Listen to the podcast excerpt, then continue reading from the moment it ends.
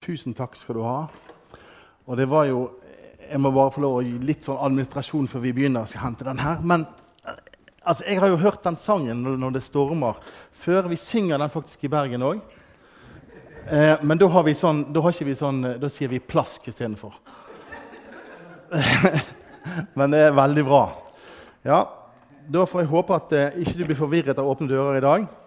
At vi kan bringe fred og glede og vi skal ha det bra. Men jeg, jeg, eh, jeg, kan si før vi begynner, så skal jeg bare starte klokken på null. Det er alltid lurt. Eh, nå har jeg tatt med vann, så hvis predikanten er tørr, så må dere bringe mer av den sorten. Men eh, eh, det er veldig kjekt å være her hos dere. Eh, og min bror sine svigerforeldre het Ragnhild og Bjarne Digernes. Og de har jo vært en del av denne forsamlingen. Så jeg fikk beskjed av min bror at du må jo hilse. Ja, så nå har jeg gjort det. Så det er veldig kjekt. Eh, du sa at eh, dere har lyst på et prosjekt. Eh, og jeg har lyst til å bare ta tak i det som en innledning til eh, det vi skal dele i dag. Fordi at eh, jeg tror Gud har kalt oss til et stort prosjekt, alle sammen som har tatt imot Jesus og følger han. Eh, og lyst til å spole filmen tilbake igjen til jeg tror det var jeg ikke akkurat datoen, men det var i desember. Da var det fredsprisutdeling eh, i Oslo. Er det noen som husker det? Noen som så det?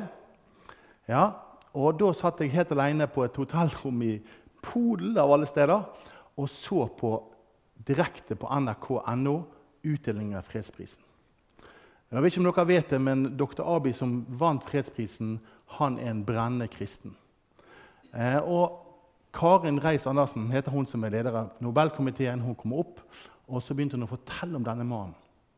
Hva han hadde gjort i sitt liv. Hvordan han hadde arbeidet for fred, hvordan han hadde vært involvert i den ene fredsavtalen. og i, gjennom, måte, Det var det ene etter det andre. Og når, fortal, når hun fortalte om det, så kjente jeg åh, det å ære noen det er utrolig vakkert. Så jeg satt egentlig der og snufset litt for meg sjøl. Så skulle vi, hun gi vekk prisen, og den hadde holdt hun på å glemme. Og så kom dr. Abiy på og skulle dele sitt eh, nobelprisforedrag. Eh, og når han begynte å fortelle, da begynte jeg å, ja, jeg begynte å grine, rett og slett. For jeg kjente det at det var noe dypt nede i mitt hjerte og nede i magen som begynte å bevege seg. For jeg hørte en mann som snakket om et prosjekt som jeg kjente igjen fra Guds ord. Han snakket om en Gud, et gudsrike visjon.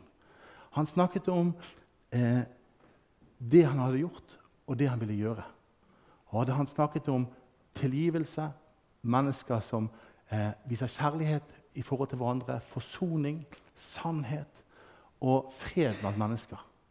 Og jeg vet at den mannen han bærer på en Guds rike visjon. Og å, når han fortalte det, så kjente jeg at jeg, det ble bare verre og verre. Så tenkte jeg Ole Petter, du kan ikke sitte her og grine alene på et hotellrom i, i Polen. Men det gjorde jeg, og så kjente jeg at jeg måtte be for han. Be om at Gud måtte velsigne han, og Gud måtte bruke han til å bringe fred til den regionen, Afrikas Horn, hele denne regionen som er så plaget av så mange ting, bl.a. forfølgelse av kristne. Fordi at det, det å ha et prosjekt eh, det er på en måte noe som engasjerer oss. På en måte Vi tar tak i noe. Men Gud han har et prosjekt. Og Jesus kom, og så forkynte han om Guds rike. Forkynte om et rike som var annerledes. Et rike som, eh, der det var glede, fred i Den hellige ånd. Rettferdighet.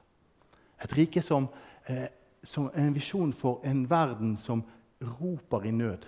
Så kommer Jesus inn og så lærer han oss å be. La ditt rike komme, som i himmel, la din vilje skje, som i himmel, så på jorden. Når Jesus lærte disiplene sine å be, så lærte han dem å be om at dette riket, det som er Guds vilje, det måtte skje iblant oss. Og Det har jeg lyst til å ta med oss inn i det som vi skal dele i dag. For i dag skal dere få lov å møte store tall. Og utfordrende virkeligheter, men skal, vi skal få lov å gå inn i det med at vi skal få lov å vandre inn i det sammen med Jesus. Eh, og Akkurat sånn som vi så på den filmen. Fantastisk at han kom med norsk tekst. for Jeg er ikke så god i arabisk, jeg heller. Skal til eh, Egypt på torsdag og være der i to uker sammen med en, en klasse fra Bildøy. Men jeg jobber litt på glosene ennå. Eh, men der er det et fokus. I vårt, I vårt, land så er det sånn at i, i norsk kristenhet så er det veldig mye om meg. Men når vi møter mennesker som lever der på en måte frontlinjen i Guds rike står, så ser vi at det handler ikke om meg, men det handler om Han. Det handler om Jesus. Blikket på Han. For det er Han som er vårt håp. Og når vi sitter våre øyne på Han, så kan vi møte vanskelige ting på en helt annen måte. For vi har et håp som er utover det vi ser her og nå. Men vi får ha virkelig det evige håpet i Jesus. Det blir tydelig.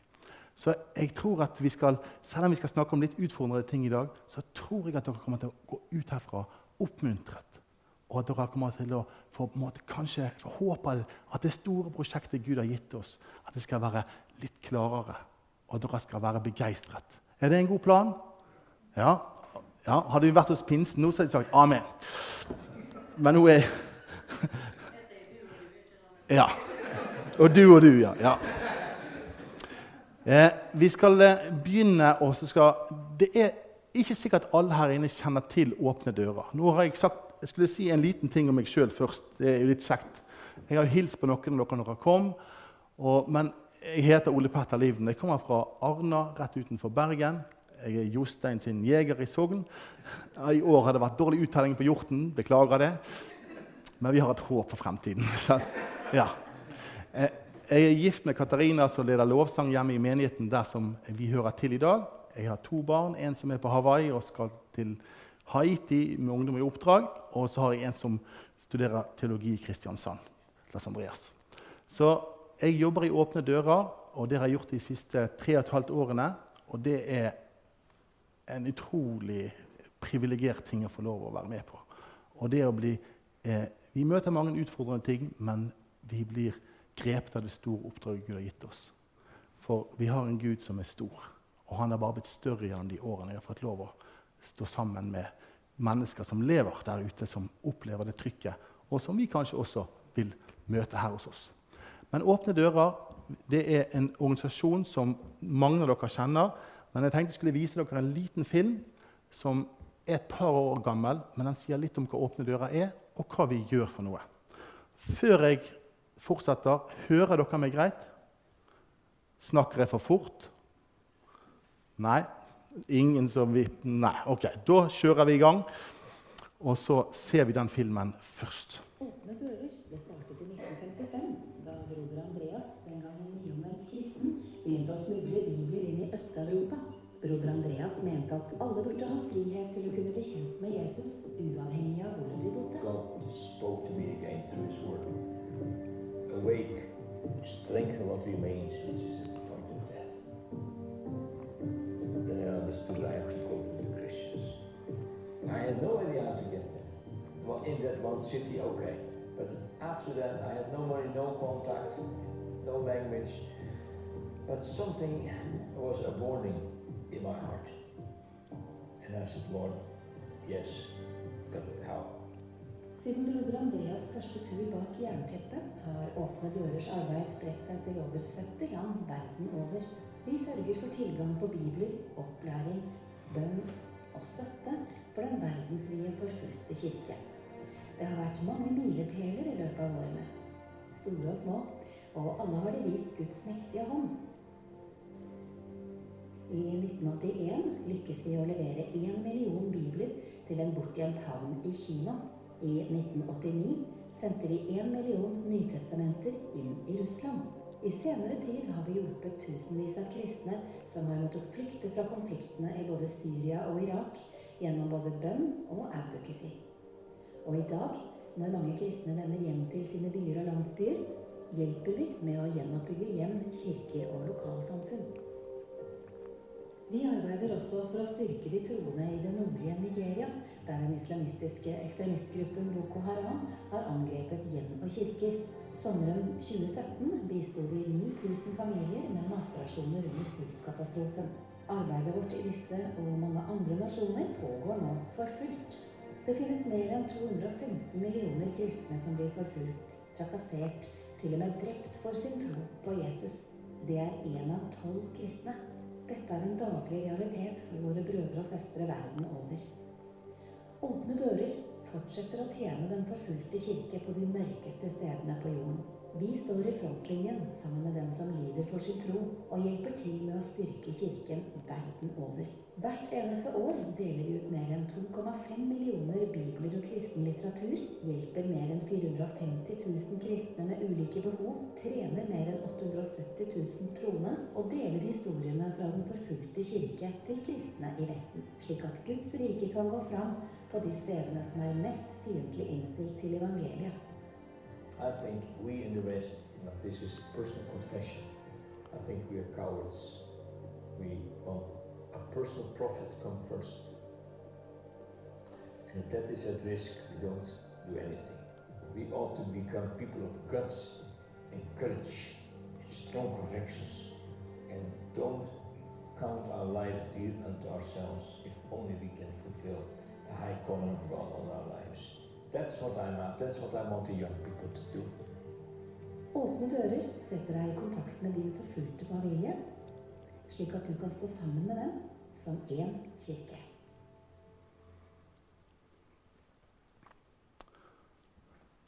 Jeg håper dere så det som var på skjermen, av teksten. Går det an å ta av de lysene der?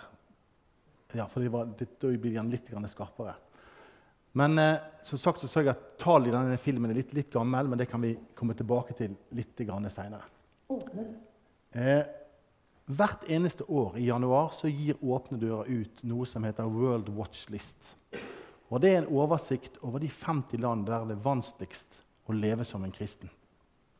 Og I dag så kommer jeg til å ta utgangspunkt i det som vi presenterte 16. Eh, januar, både for myndigheter, ikke bare i Norge, men i veldig mange land, og for kristne. Og, og World Watch List er både et redskap for eh, oss som kristne til å si noe om situasjonen ute i verden for kristne, men det er òg et, et, redskap for oss for å se hva er behovene Hvordan kan vi best hjelpe? Så For åpne dører er det først og fremst et arbeidsredskap, men det er òg en måte som vi troverdig kan eh, løfte eh, vår forfulgte familie på eh, med troverdighet. Du sa noe om Åpne dørers kall og oppdrag i sted. Eh, åpne dører har i Norge et todelt oppdrag. Eh, og Det ene det handler om at vi skal utfordre og oppmuntre eh, kristne eh, i Norge til å stå sammen med vår forfulgte familie. Eh, men det er ikke minst den delen som handler om å, at vi har et kall til å styrke og utruste kristne som lever under press og forfølgelse pga. sin tro på Jesus Kristus, og oppmuntre dem til å utbre evangeliet til jordens ender. I møte med all den nøden som vi møter, og det er mye nød, så er ikke vårt, vårt fokus bare å stette et behov, men det er å stå i den store befalingen, misjonsbefalingen sin tjeneste. Vi har et kall og et oppdrag om at evangeliet skal ut. For vi tror det at Gud har, han har lyst til at alle mennesker skal få lov å bli kjent med han. Så det er det store bildet. Eh, i møte med World Watch List så er det masse tall og det er masse statistikker og det er drivkrefter. Eh, men alle de tingene vi viser, det er egentlig bare hjelpemidler eh, for å beskrive på en måte hvor omfattende det er, og hvor alvorlig det er. Men det handler alltid om mennesker. For bak hvert tall vi presenterer, bak hver endring og hver trend, så er det ansikter. Det er mammaer og pappaer det er sønner, det er døtre, det, det er bestemødre og bestefedre, nivøer, nieser og onkler og tanter. Det er skolekamerater, det er venninner, det er lærere, det er pastorer, det er bussjåfører, det er enker, det er blinde, det er døve. Og så kunne vi bare fortsatt. Og noe av det aller viktigste vi kan gjøre for dem, det er å se dem. Og få blikket vårt på dem. Og ta oss tid til å høre på dem og be med dem. Og du sa det egentlig det å inkludere dem i våre liv i sted. Ja, det å ta det virkelig på alvor, det som Guds ord snakker om, at det er ett legeme. Og det er noe av det som er blitt så stort for meg i disse årene, til at ja, dette er min familie. Det er ikke sikkert jeg forstår språket de snakker, men når jeg møter dem, så kjenner jeg at dette er min familie. Og jeg tror at vi, hvis vi åpner hjertet vårt og går inn, og der er bønnens vei helt avgjørende, så lar Gud oss få lov å oppleve det fellesskapet vi har i Han. Eh, og I Hebreerne så står det om at vi skal be for de som er i fengsel, som om det gjaldt oss sjøl. Da har du kommet et sted inn i hjertet ditt at du er kommet så nær. Og det kan vi få lov til å gjøre. Nå skal vi få lov å møte et ansikt. Og det er Ester. og Hun eh, var utsatt for en bombeeksplosjon, en selvmordsbombe. Det var i, det var i Kairo i, i, Egypt. Jeg har vært i den kirken. Jeg har møtt mannen, eh, ikke mannen hennes, men jeg har møtt noen fra den kirken. Eh, men eh, dette er et sånt ansikt og en sånn historie. Da bomben eksploderte, var Samia også på gudstjenesten.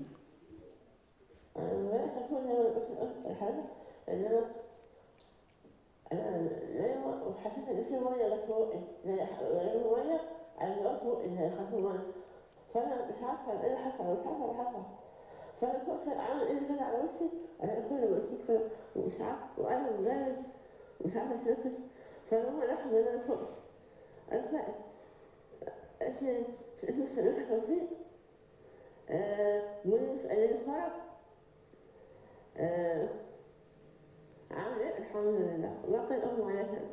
Eksplosjonen ødela halve ansiktet hennes. Legene på sykehuset trodde ikke hun hadde sjanse til å overleve, men det gjorde hun. Selv om ansiktet hennes nå er misformet, er hun ikke redd for å gå ut blant folk. Hun har allerede tilgitt dem som sto bak angrepet. Ja,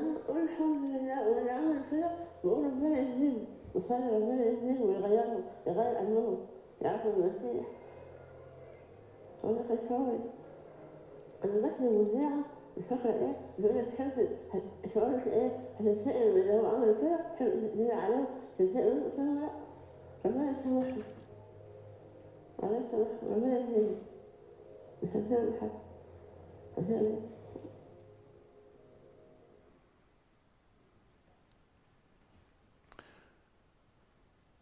Det er ett menneske som vi kan identifisere oss med. Og så hører vi på den damen som forteller på en måte at 'jeg har tilgitt de som gjorde dette mot meg'. Og det er jo sånn at Når vi møter mennesker som har grepet evangeliet, og som står det ut i møte med en virkelighet som vi nesten ikke kan forstå, så ser du Jesus der, gjør ikke du det? Jeg ser Jesus i møte med det. Og så blir det sånn Gud, kunne jeg gjort det der? Og det tror jeg kanskje vi er i møte med det så tror jeg Gud gir også en nåde til å stå.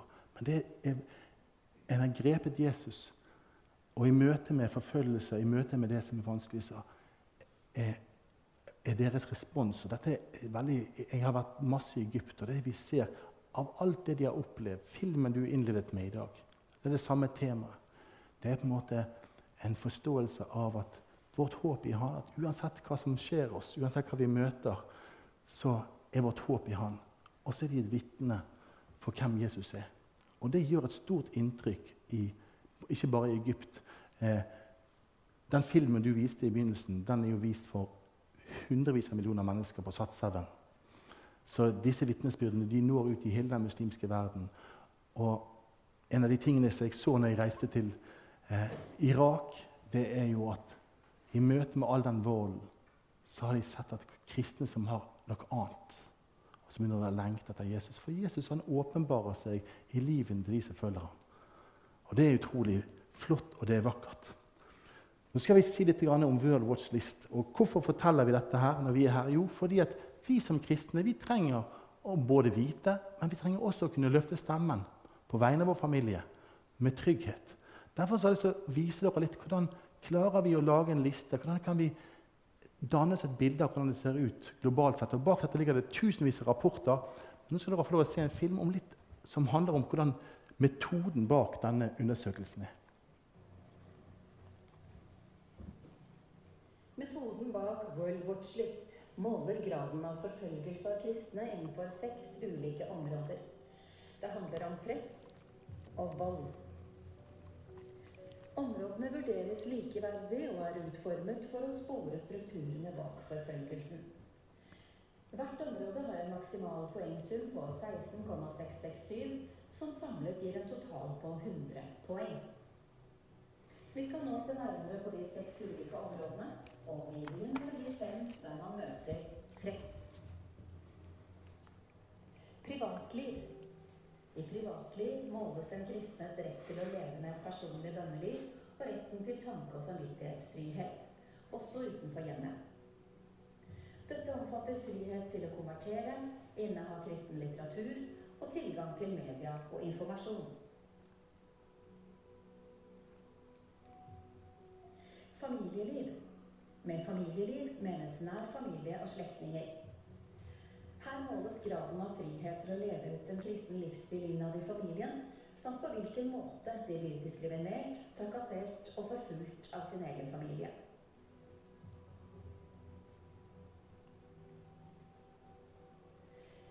Lokalsamfunn. Her måles samspillet mellom kristne og lokalsamfunnet. Det omfatter bl.a. kleskoder, overvåkning, kidnappinger eller tvangsekteskap. Press mot å frasi seg sin kristne tro, hvorvidt man diskrimineres i arbeidslivet eller hindres i egen virksomhet. Her analyseres også i hvilken grad kristne hindres tilgang til offentlige tjenester som utdanning og helsetjenester.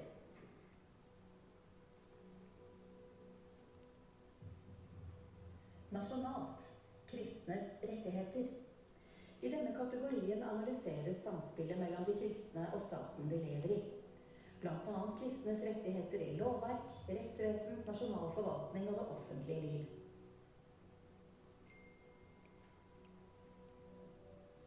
Kirkeliv. I hvilken grad kan kristne forsamlinger og kirker drive sin virksomhet? Hvilke muligheter har de til å holde gudstjenester, be og lovsynge sammen?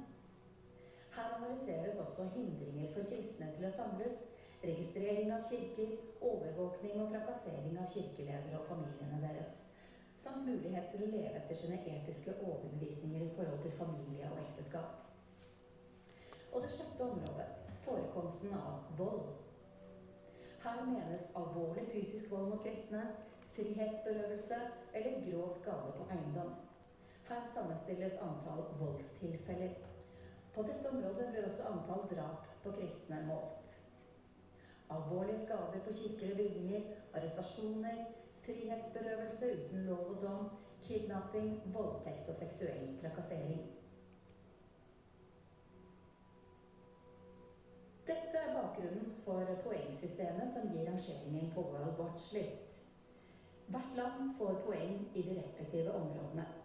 Den totale poengsummen for alle seks områdene avgjør hvilken plassering landet får på listen.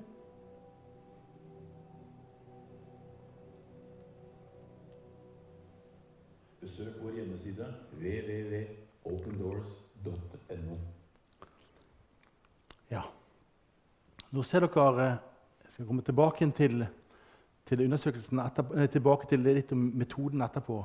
Men eh, den dokumenterer eh, egentlig brudd på menneskerettigheter og trosfrihet.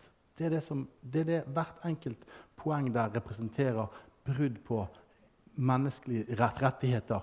Så vi kan snakke om dette veldig i forhold til de politikere og både i FN og EU som vi jobber, også jobber mot, så det, kan vi løfte vår stemme med frimodighet i forhold til det. Men eh, hvordan ser dette bildet ut? Hver eneste time så blir en kvinne voldtatt fordi hun er en kristen. Hver dag så blir åtte kristne drept for sin tro. 40 kristne hjem brent eller ødelagt. Og ti kristne ble urettmessig fengslet. Dette er noen av de funnene som eh, ligger i World Watch List for i, for i år. Og så handler det om mennesker, ikke tall. Og det handler om veldig mange mennesker. Eh, og på filmen i sted så sto det 215 millioner. og det eh, skulle vi ønske vi kunne sagt i år òg på en måte. For det, bare blant de landene på World Watch List, de 50 landene, er det 260 millioner kristne som opplever en høy eller svært høy eller ekstrem grad av forfølgelse. Og det er faktisk sånn nå at eh, det er land der kristne opplever høy grad av forfølgelse, som ikke engang kommer inn på listen. Og tar vi med de 23 landene som ligger under, som ikke kommer inn på listen, men der det er høy grad av forfølgelse, så kan vi ligge til 50 millioner i tillegg til det tallet. Så det er en enorm eh, økning i antall kristne som blir forfulgt. Si bitte litt om hva er det som driver forfølgelsen. Og Det er noen drivkrefter. og Det er ikke så politisk korrekt å si det, da, men det er faktisk, nå vet ikke dere ser det så godt, men der står det islamsk undertrykkelse. Og det er den største drivkreften eh, i forhold til alle andre i forhold til forfølgelse av kristne. Og Det ser vi helt fra vest i Afrika, gjennom hele Asia, helt ut til Filippinene og Indonesia. I øst så er det et belte der eh, islamsk undertrykkelse er hoveddrivkreften. og Ofte virker disse sammen. Men det er også noe som heter religiøs nasjonalisme, som er for det som vi ser i India i dag. Der det er blitt veldig vanskelig å være en kristen. Og det er sånn at eh, Mange organisasjoner er blitt kastet ut fra India. Fordi at I India er det en, føres det en politikk som sier det at hvis du er en inder, så er du en hindu. Eh, og Det ser vi også i et land som i Myanmar. Eh, dette er på en måte en trend i tiden eh, som vi ser en økning på. Så har vi det som handler om etnisk fiendskap. Det er noe i det vi ser kanskje der i størst grad der det er både urfolksproblematikk, så er det på en måte eh, Hvis du blir en kristen, så blir det et, en, et forhold, du, du, oppleves som et eh, svik imot din etnisitet. Eh, jeg kan ta et eksempel på det. Eh, Rohingya-folket, som nå er i veldig mange, de verdens største flyktningleir, som er i Bangladesh. Som dette folket som vi har hørt om, et muslimsk folkeslag som eh, ble fordrevet fra Myanmar fordi de ikke var buddhister. Men i den befolkningen så er det også en kristen minoritet. Som, så I den forfulgte etnisiteten så er det en forfulgt gruppe som er forfulgt av den etniske gruppen som allerede er forfulgt. Dette er det komplekse bildet vi står i i dag. I det, i, blant kristne rohingyaer så jobber Åpne dører. og jeg kan si at Situasjonen der er veldig krevende. Eh, skal si bitte litt Oi sann, vi går tilbake igjen et hopp. Eh, noen steder så har vi det som vi kaller for konfesjonell proteksjonisme. Og Et eksempel på det er et land som Eritrea. Der har du en ortodoks kirke som sier det er vi som er de kristne i landet her. Og så er det pentakostale på en måte, grupper som blir forfulgt av, av trossøsken. Vi ser det også i Etiopia og andre land. Og det er en av de tingene som vi jobber sammen, Der jobber vi for enhet blant kristne. Det er utrolig trist at kristne forfølger kristne. Eh, jeg skal ta, eh, var, oi, nå trykker jeg på feil knapper. Jeg skulle prøve å peke til dere. Eh, post, eh, og kommunist, postkommunist, postkommunistisk og postkommunistisk undertrykkelse det ser vi i Kina, det er på en måte, men også det som vi kaller for eh, diktatorisk paranoia. Det er kanskje Nord-Korea det største eksponenten på, også Eritrea. Der det er en leder som har all makt, og alt som han opplever som en utfordring til den posisjonen, det blir en fiende. Og i Nord-Korea så er kristne uttalt statsfiende nummer én. Kommer tilbake til det. Eh, siste eh, to tar jeg med. Sekulær intoleranse det er noe som kanskje vi her i Norge og Europa bør være mer og mer obs på.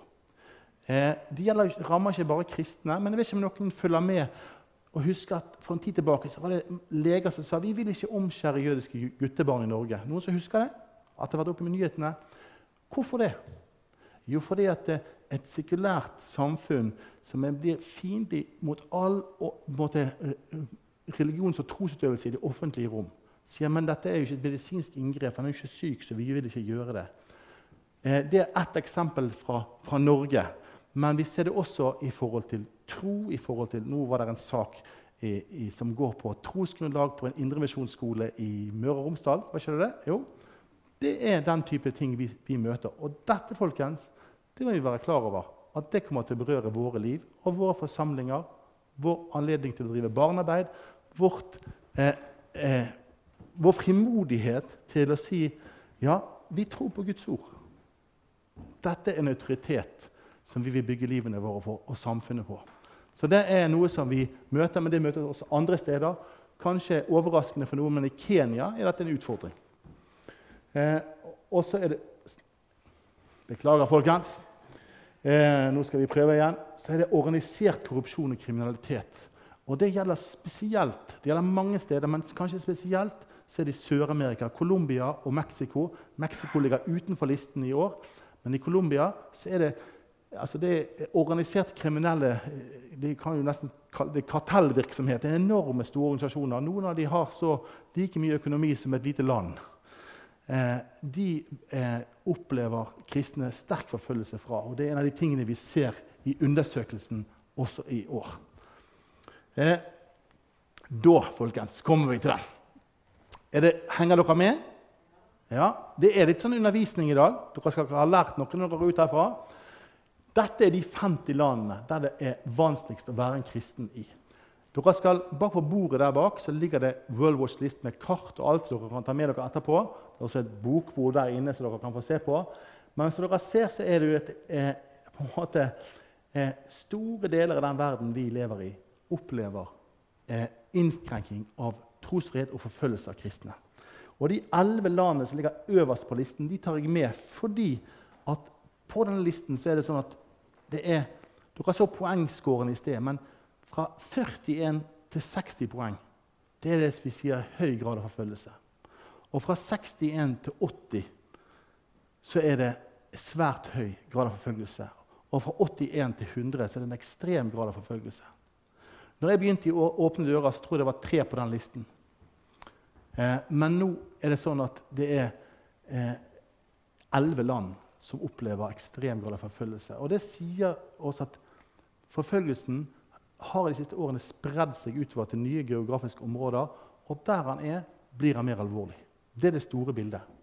Men eh, de landene som ligger der, Nord-Korea, Afghanistan, Somalia, Libya, Pakistan, Eritrea, Sudan, Jemen, Iran, India og Syria. Samtidig som de står der, så vet vi at i mange av disse landene der gjør Gud fantastiske ting. For som jeg sa til dere i sted, så har vi eh, fått lov å be om at Guds rike skal komme. og Hans vilje skal skje. Og Det er ikke en sammenheng mellom forfølgelse og, og vekkelse nødvendigvis. Men mange steder er det det som vi ser. Og jeg kan si at eh, både i Nord-Korea så er det flere kristne. I Afghanistan er det landet forhold, Hvis du ser på Operation World sine tall, der evangeliet det, det er nest størst fremgang prosentmessig for evangeliet i verden i dag. Det er i Afghanistan. Stått bare ett land, og det er Iran. Så vi kan ikke se den største vekkelsen vi har sett i denne delen av verden. Eh, så dette bildet, men det, Vi skal få lov å glede oss over det, men vi må ikke likevel glemme at dette er bildet. Og sånn som det er nå, De tre øverste landene Nord-Korea har lagt på listen på topp i 14-15 år. Eh, Afghanistan ligger like bak, og Somalia kommer rett på der. Dette er land som vi kjenner fra eh, gjennom mange år med store utfordringer. Jeg kan si bitte lite grann om Nord-Korea. Nord-Korea er et land som eh, vi har fulgt i nyhetsbildet. Vi kan nesten bli mett av Nord-Korea. Men eh, vi vet at i dette landet er det mellom 40 og 60 000 kristne som sitter i fangeleirer. Og De fleste som kommer i de fangeleirene, kommer ikke ut igjen derfra levende. Men vi vet òg at evangeliet går fram i Nord-Korea. Og vi vet at av mange av de som flykter for å prøve å finne et bedre liv over grensen til Kina, over Tubin-elven, der møter de kristne som er der for å nå de flyktningene. Og når de møter evangeliet, så er det faktisk sånn at mange de vender om og reiser tilbake igjen for å dele evangeliet med livet som innsats. Eh, det står en quote her, en sånn en sitat her, men eh, dere kan ikke lese det sikkert. Det står det, det er Kyung So som sier selv kjenner jeg til tre personer som ble henrettet for å ha delt evangeliet. Min tro på Jesus kunne også kostet meg livet. Det at noen kjenner tre mennesker som har mistet livet for å dele evangeliet, går det nesten ikke an å forholde seg til. Men dette er mennesker eh, Det er et illustrasjonsbilde for øvrig. Det er sånn at Blir du tatt med en bibel i Nord-Korea, så blir du enten drept eller deportert. og også vanlig, Det vanlige er at tre generasjoner blir deportert ved funnet av en bibel i Nord-Korea. Og Vi sier ikke det uten grunn, men Nord-Korea er nok det landet i verden der det er flest nedgravde bibler. Men likevel går evangeliet frem i Nord-Korea. Og nordkoreanske kristne de tror at de, de, får sin frihet. Så det er det. Når vi snakker om Afghanistan, sa bitte litt om det. Eh, det. det. går ikke an å leve som åpen kristen i Afghanistan. Eh, men det vi vet, det er at eh, dette er et land som Hvis vi går litt tilbake i tid, så har det vært mange kriger i dette området.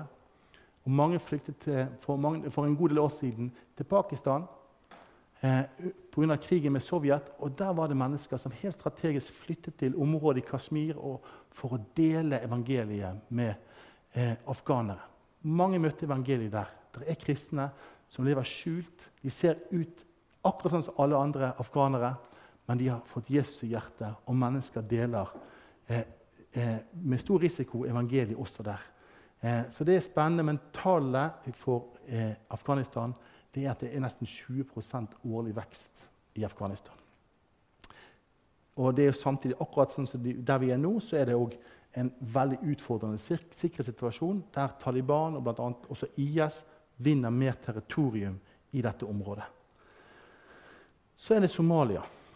Eh, og Somalia det er jo et land som er preget av en, en endeløs borgerkrig. Det er et land som måtte, har sett utrolig mye nød. Og vi vet at Al Shabaab de jakter på kristne. Eh, det er mennesker som er fra Somalia, som lever med beskyttelse og på skjult identitet i Norge fordi de har tatt imot Jesus. De er ikke trygge noen steder. Det å ta imot Jesus det blir sett som et svik mot familien, mot islam og, og mot den somalske familien, som er på en måte et begrep som gjelder her. Men det som skjer i Somalia, det er at vi snakker ikke så veldig høyt om det, men vi Gud gjør noe i Somalia. Han gjør noe blant kvinner og barn i Somalia. Og I dette samfunnet så har kvinner og barn ingen verdi. De har ingen rettighet, ingen verdi. Men Gud gjør noe i dette området. Og oppmuntrer dere til å be for Afrikas Horn og be for somaliere alle steder om at de må få bli kjent med Jesus. Nå skal dere få lov å se en liten film over de landene som har hatt størst bevegelse på listen dette året. Angrep på kirker og mer overvåkning. Forfølgelsen av kristne øker i store deler av verden. Hvert år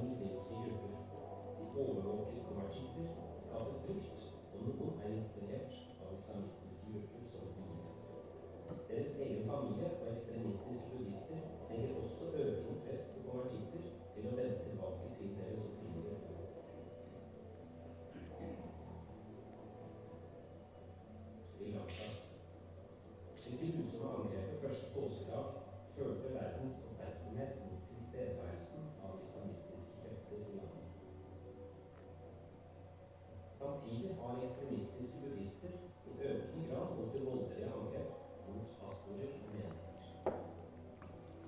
Flere buddhistmunker bruker sosiale medier for å skape hat mot religiøse minoriteter i landet. Dette hatet blir ofte uttrykt gjennom aggressivmål. Kina. Presset mot kristne i Kina fortsetter å øke. Kommunistpartiet fortsetter politikken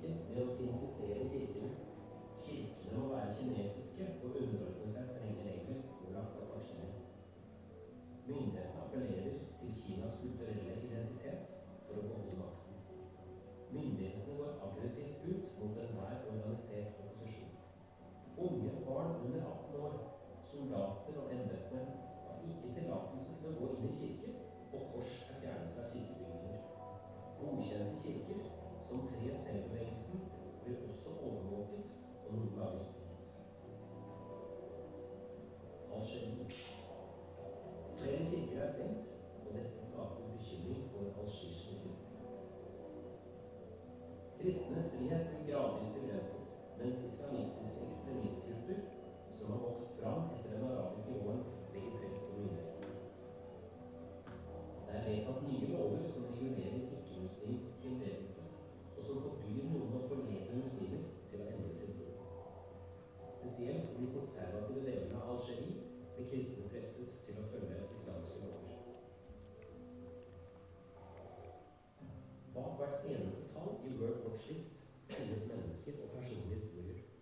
Åpne dører gir en stemme til forfulgte kristne og mobiliserer til støtte og engasjement.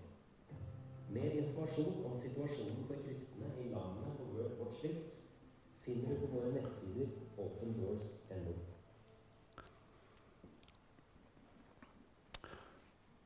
Nå går tiden litt fort i dag, så vi må skyte opp farten litt på noen ting. så jeg må hoppe over noen ting, Men jeg skal si, jeg vil løfte frem et par ting av det vi ser i år, som er utfordrende. Og det er det som gjelder Afrika sør for Sahara, Sahel-beltet, hvis noen kjenner til det. Her er det misjonsland som Kamerun, og det er mange kjente navn. Jeg husker det var et fotballag som het Kamerun-kameratene i Norge. på, Jeg tror det var NLM som hadde det. Men eh, sånn er det. Men eh, det vi ser i Afrika sør for Sahara, det er at det er en bølge av militant islam gjennom eh, fra, fra fra øst mot vest og opp mot Libya. Når, Libya, når Gaddafi falt, så ble det et maktvakuum. Og dette området, det, den, den, den, muligheten, den fylte eh, radikale grupper. Og i, dag, i dette området vi ser på en måte egentlig fra eh, i Sahel-beltet Så skal vi prøve å trykke på rett knapp. Eh, herfra og ut så snakker vi det er egentlig helt ut til Somalia, så snakker vi om 27 forskjellige radikale, militante islamistgrupper. Og Det vi ser eh, spesielt, det er at det er svake stater og en av de landene der det er virkelig utfordrende akkurat nå Det er for så vidt i Mali også, men i Burkina Faso det er et land som eh, vi nesten ikke hører noen ting om. Jeg tror det het Øvre Volta før. Stemmer det? For dere som er godt voksen? Ja. Eh, Burkina Faso Nå skal vi gå til Burkina Faso. Der, ja. Burkina Faso er et land som, der kristne og muslimer og animister har levd relativt godt sammen med hverandre. Men vi har sett gjennom eh, de siste årene at fra Saudi-Arabia har det vært øst på masse penger i denne regionen, der man har egentlig radikalisert den muslimske befolkningen. Og Det som vi ser i en sånn utvikling, det er det at eh, mennesker som lever i fred med hverandre, det skjer der en radikalisering. Og når vold kommer der, da skjer det noe. Det samme så vi i Midtøsten. Det vi så er på en måte det, at den generelle befolkningen ble radikalisert, og så kommer det militante måte tilslaget, og da er det et potensial i befolkningen. I Burkina Faso ser vi eh, drap på pastorer, på kristne, mennesker som bærer korssymbol, blir drept på gaten. Det er et, et terrorvelde. Dette er også noe som, Hvis, hvis dere følger med i internasjonale nyheter, så er dette noe som eh, også hvis verdensledere virkelig ser opp får opp øynene for, fordi dette har potensial til å faktisk påvirke verdens sikkerhetssituasjon globalt sett. Men i dette området er kristne et mål for disse gruppene. Og det er utrolig utfordrende. Jeg hoppet over Nigeria, og i Nigeria så ser vi i disse paradokset i at Nigeria er jo et land med noen av de største kirkene i verden. I sør så er det eh, eh trosfrihet, og det er, det er misjon. Mange, masse, hvis du kommer til England, så er det tusenvis av nigerianske kristne. Store menigheter, masse ressurser. Men nord i Nigeria der lever kristne under sharia. Eh, og vi vet at eh, det landet både i fjor og i år der det var flest kristne drept, det er nettopp i Nigeria. Eh, vi har sett en liten nedgang i antall drepte i Nigeria, men vi ser stadig eh, direkte angrep på kristne for noen dager siden, eh, det var nå i, i rundt 20. januar, så var en av eh, evangeliske lederne i denne området i Nigeria ble kidnappet og drept. Eh, og det vi ser her, at dette er et område som vi må eh, virkelig stå sammen med Guds folk. Men samtidig i det bildet så ser vi òg at stadig nye mennesker kommer til å tro på Jesus i dette området. Og de som lever eh, i dette området og som kommer til å tro på Jesus, de kommer fra muslimsk bakgrunn. Og Mange av de, de blir banket opp av familien sin og må rømme familien sin.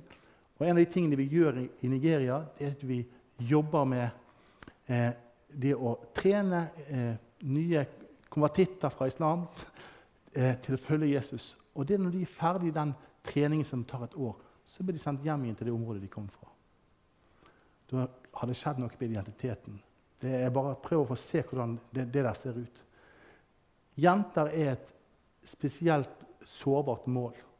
For vi vet at eh, En av de strategiene som brukes mot kristne minoriteter, det er å ramme kvinner og jenter. Og Jeg skal gå tilbake inn og vise et bilde av eh, en jente som heter Lea Sharibu. Der har vi hun. Det er litt dårlig bilde der. Men Lea er nå 16 år. Og når hun var 14 år, så ble hun sammen med nesten 100 andre jenter bortført av Boko Haram. Alle de andre jentene er satt fri, men Lea er ikke satt fri fordi hun ikke ville fornekte troen sin på Jesus. Og For noen dager siden så fikk vi melding om at vi vet at hun lever. Men eh, for et halvt års tid tilbake igjen så fikk vi en melding eh, av at moren hadde fått en lapp som en av disse andre jentene hadde fått med seg. Og Da skriver denne jenten, som da var 15 år gammel, 'Mor, ikke vær redd for meg.' For jeg vet at det du lærte meg når vi hadde bønnestunder hjemme, det er sant. For Jesus han er nær til den som opplever forfølgelse og vansker. Jeg vet at om jeg ikke får se deg igjen i dette livet, så skal vi møtes i Kristi fang. Det sier den jenten som på en måte lever i det. Hvor har hun blikket sitt? Hun har blikket sitt på Jesus.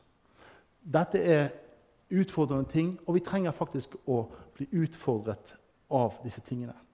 Nå må vi gi gass, for nå er vi på tiden. Beklager. Jeg får to minutter, tre minutter til å avslutte. Ja, skal vi se. Jeg skal, vil bare si to ting. Det vi ser om i Kina eh, Der ser vi en eller at en enorm vekkelse. Er, vi sier det er 97 millioner kristne i Kina. og Det, er nok et, eh, det tallet er nok gjerne høyere, men det er det tallet vi opererer med. Eh, det er flere kristne i Kina i dag enn er medlemmer av kommunistpartiet. Hvem hadde trodd det? Ikke Mao, i alle fall. Nei.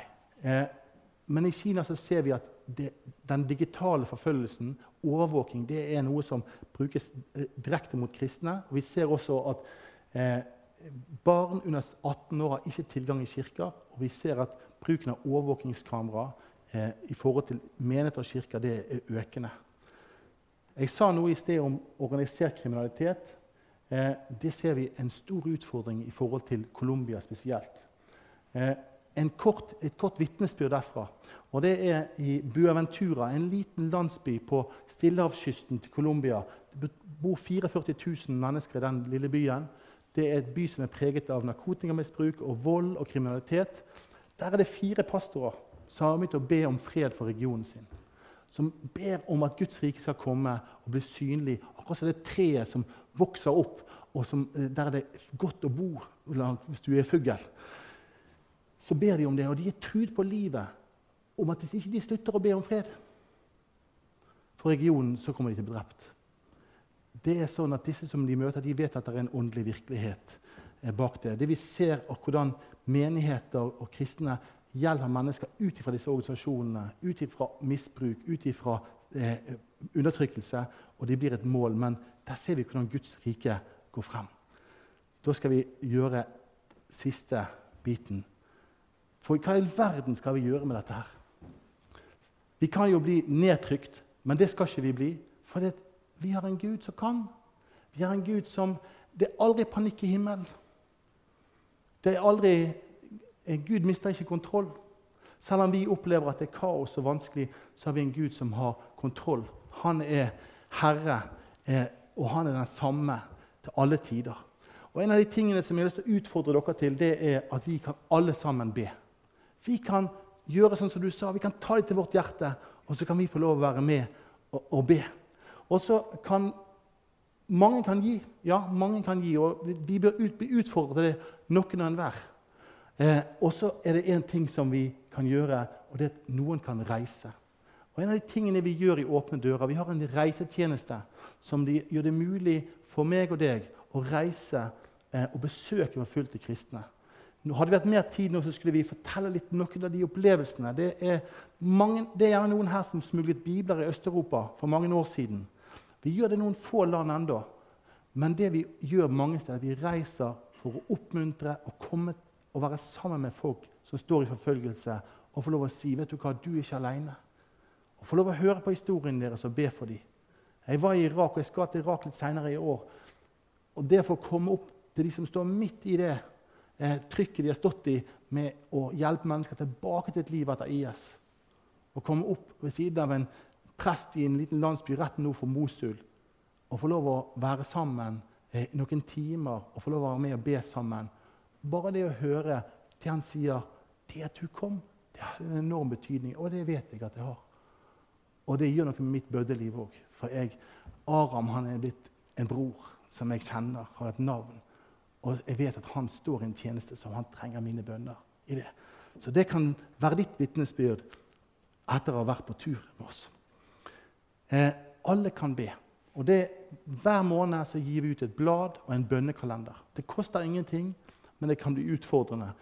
For Der eh, løfter vi frem bønneemner og vitnesbyrd eh, som du kan få lov å ta med deg inn i ditt bønneliv. Og eh, Bak på bordet bak der så ligger det et eh, Du hadde bladet og hatt det i mange år. Veldig bra.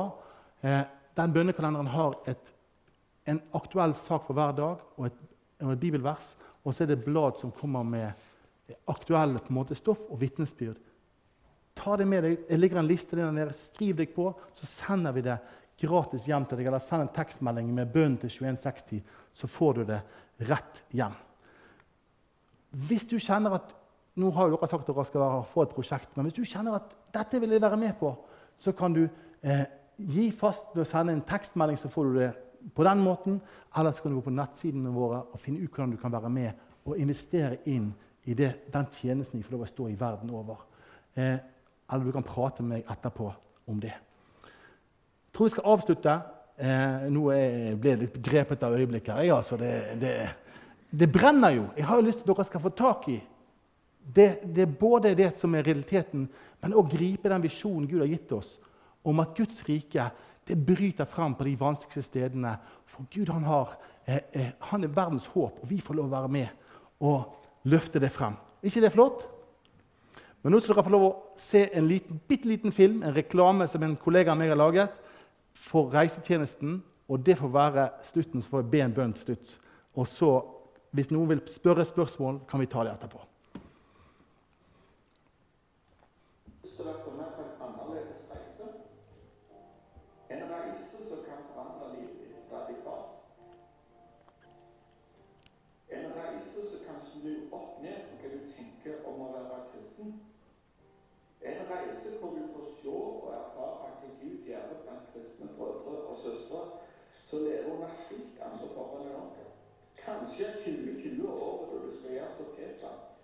Reise deg i båten, ta steget ut på vannet for å oppleve at Jesu løfte faktisk heller. Kanskje at du er enig med en av våre reisende som sa jeg følte at jeg hadde brukt et lite kort. Og disse hellige mennene og kvinnene kom og levde meg ut av dette kortet og sa egentlig bør du i et stort fastskapshus. Kom, la oss vise deg noen av de andre rommene.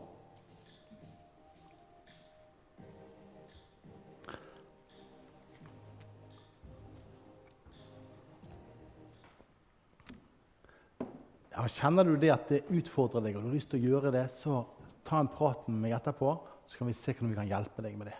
Men da har jeg lyst til å be før jeg slutter av. Kjære Jesus, jeg takker deg for at vi kan få lov å ha vårt blikk på deg under alle omstendigheter. Og i møte med det som er utfordrende og vanskelig i forhold til forfølgelse, så kan vi, for, vi sitte vårt håp til deg.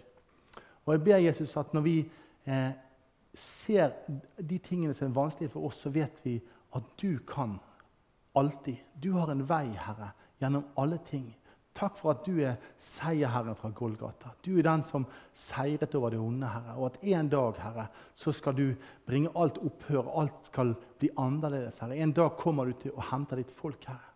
Og så ber jeg, Herre, at vi skal få lov å være med og stå sammen med våre brødre og søstre midt i den kampen vi står i. Og jeg ber at du òg må hjelpe oss til å eh, sette vårt blikk på deg. Bli fokusert i vårt blikk og forstå Herre, de tidene vi lever i, og gripe evangeliet og sette vårt eh, hjerte rettet mot deg under alle omstendigheter.